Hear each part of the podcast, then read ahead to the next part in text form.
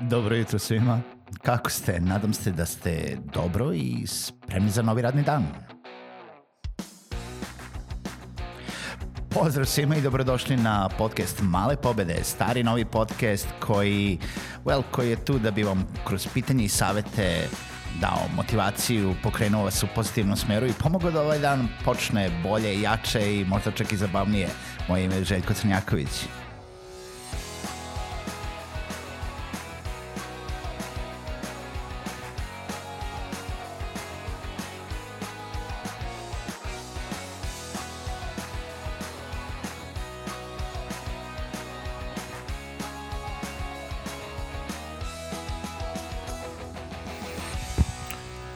Pozdrav svima i dobro jutro, dobrodošli na još jednu epizodu Malih pobeda. Idemo odma, odma dalje i m, generalno hteo sam da vas pitam, da li, da li adaptirate sadržaj za kanal komunikacije koji koristite?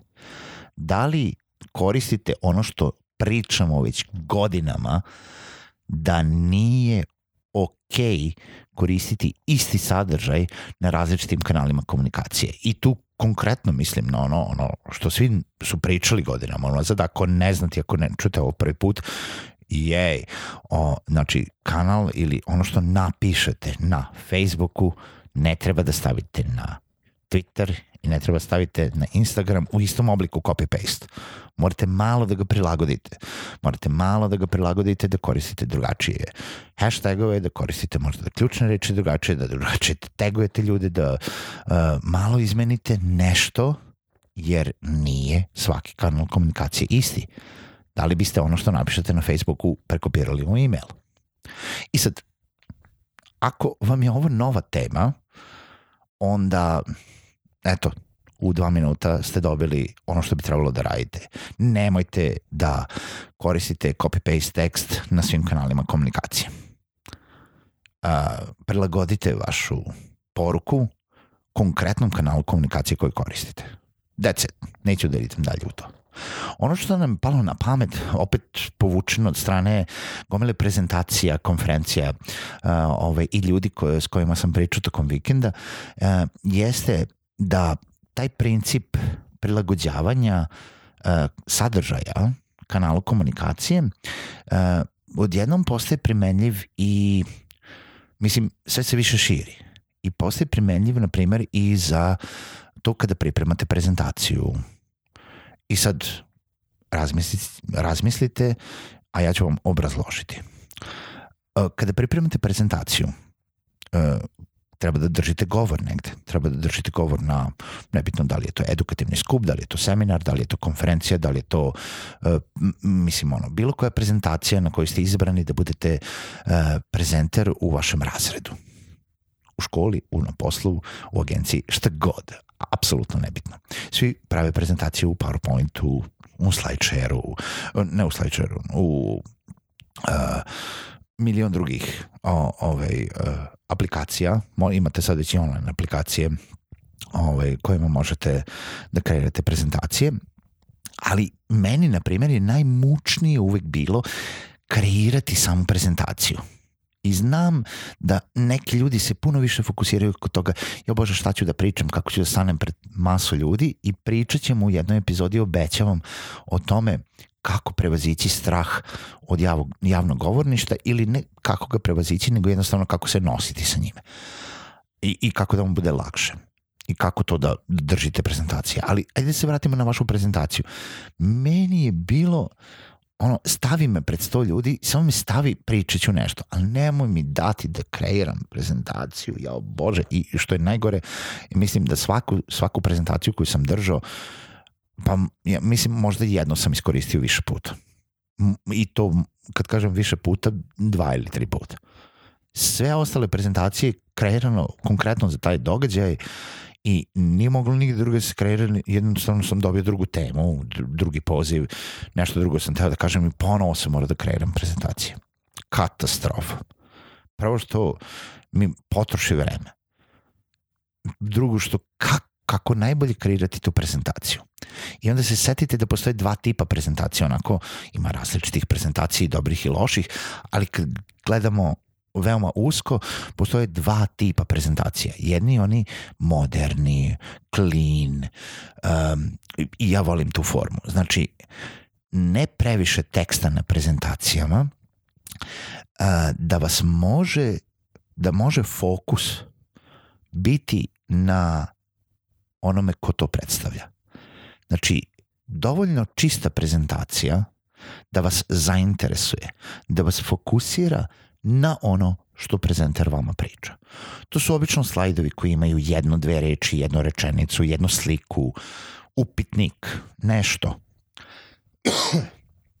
I koristeći to, sama prezentacija i prezenter fokusira svu pažnju publike na sebe. U stvari, fokusira je na prezentaciju i veoma brzo, uh, kada su upili tu informaciju, skrene, skrene pažnju na sebe, a on može da elaborira i da priča o tome što je taj jedan slajd.